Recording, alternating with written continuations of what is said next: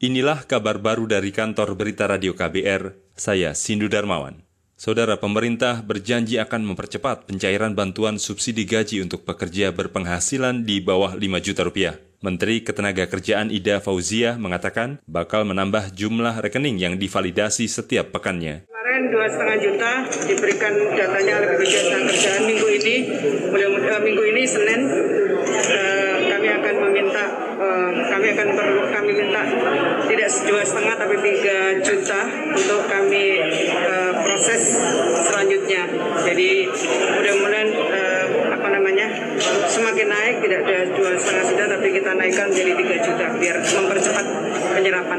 Ida Fauzia mengaku telah meminta data tambahan dari BPJS Ketenagakerjaan terkait penambahan tersebut. Kata dia, BPJS mengklaim telah memvalidasi 10,8 juta rekening peserta jam sostek.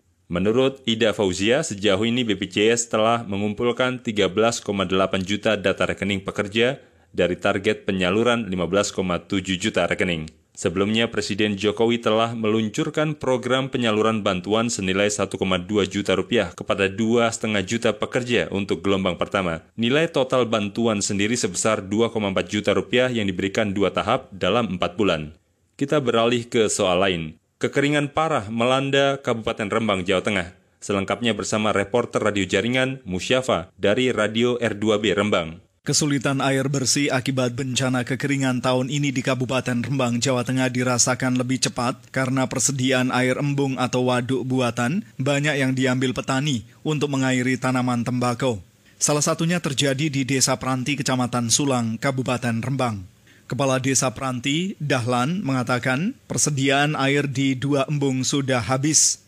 Menurutnya, penanganan jangka pendek bantuan air sangat diperlukan. Sedangkan solusi jangka panjang pianya ingin memperbanyak cek dam atau membendung sungai supaya air di musim penghujan tidak langsung mengalir ke laut dan menjadi cadangan ketika musim kemarau tiba.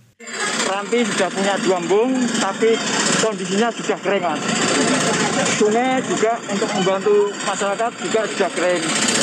Nah ini langkah jangka pendeknya memang kita harus cari bantuan dari berbagai pihak, dari pemerintah daerah, dari Kodim, dari Polres, dari komunitas-komunitas juga biasanya juga bantuan. Dahlan, Kepala Desa di Rembang. Berdasarkan data Badan Penanggulangan Bencana Daerah BPBD Kabupaten Rembang, saat ini ada 14 desa yang sudah mengajukan bantuan air ke BPBD. Desa-desa tersebut tersebar di Kecamatan Sulang, Kaliori, Lasem, Keragan, Pamotan, dan Kecamatan Rembang. Musyafa, R2B Rembang melaporkan untuk KBR.